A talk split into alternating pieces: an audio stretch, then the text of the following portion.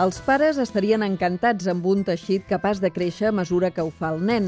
Amb un teixit capaç de créixer es fan sabates pensades per persones diabètiques o amb artrosi, com explica el director d'Innotec Center, Feliu Marçal. Se li deformen els dits i les sabates de cuir no són còmodes, les sabates elàstiques tampoc són còmodes perquè una cosa elàstica apreta. Llavors, el que hem fet en col·laboració amb una empresa que és Proorto de Cacerres, una empresa catalana, és desenvolupar un teixit que es va adaptant als dits dels peus.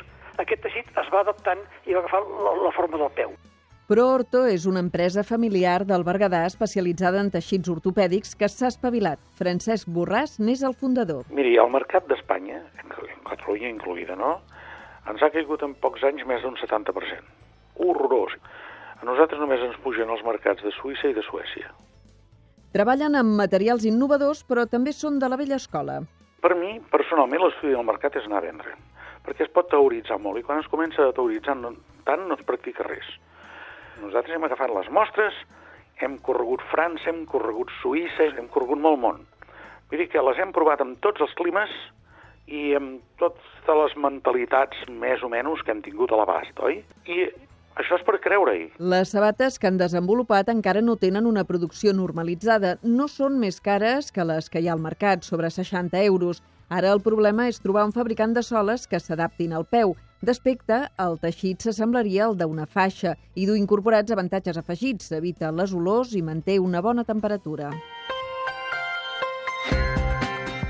Innotex és un centre de recerca de la Universitat Politècnica de Catalunya que treballa amb el tèxtil no convencional, sinó pensant en el futur, i fan el que en podríem dir innovació express. Molt de resoldre el problema d'immediat a fi efecte de que l'empresari tingui un producte nou, un altre nicho de mercat, un augment de competitivitat. Per tant, es fa un projecte a 10 anys vista, a nosaltres no ens té molt interès perquè a eh, l'empresa li interessa més aquesta solució als problemes a curt termini, que pot ser un any màxim, no? I el següent repte que es planteja aquest centre de recerca és afegir al teixit un medicament antiinflamatori. Els normals que avui dia pren la gent amb pastilles o amb altres solucions que es puguin dosificar eh, una mica per la petita suor del peu, és a dir, no cal suar molt. És a dir, amb la sudoració dels peus normals, fins i tot a l'hivern, que això ja sigui el vehicle perquè de forma autodosificada eh, jo vagi posant aquest producte, aquest fàrmac, al cos i per tant tingui un tractament continuat. Empreses com ProOrto, amb tradició i innovació, hi confien. Estem cooperant amb la, amb la Universitat de Catalunya, amb la Politècnica, amb molt entusiasme i amb moltes ganes, perquè això potser ho havien d'haver fet tota la vida, no? El que passa que no s'estilava.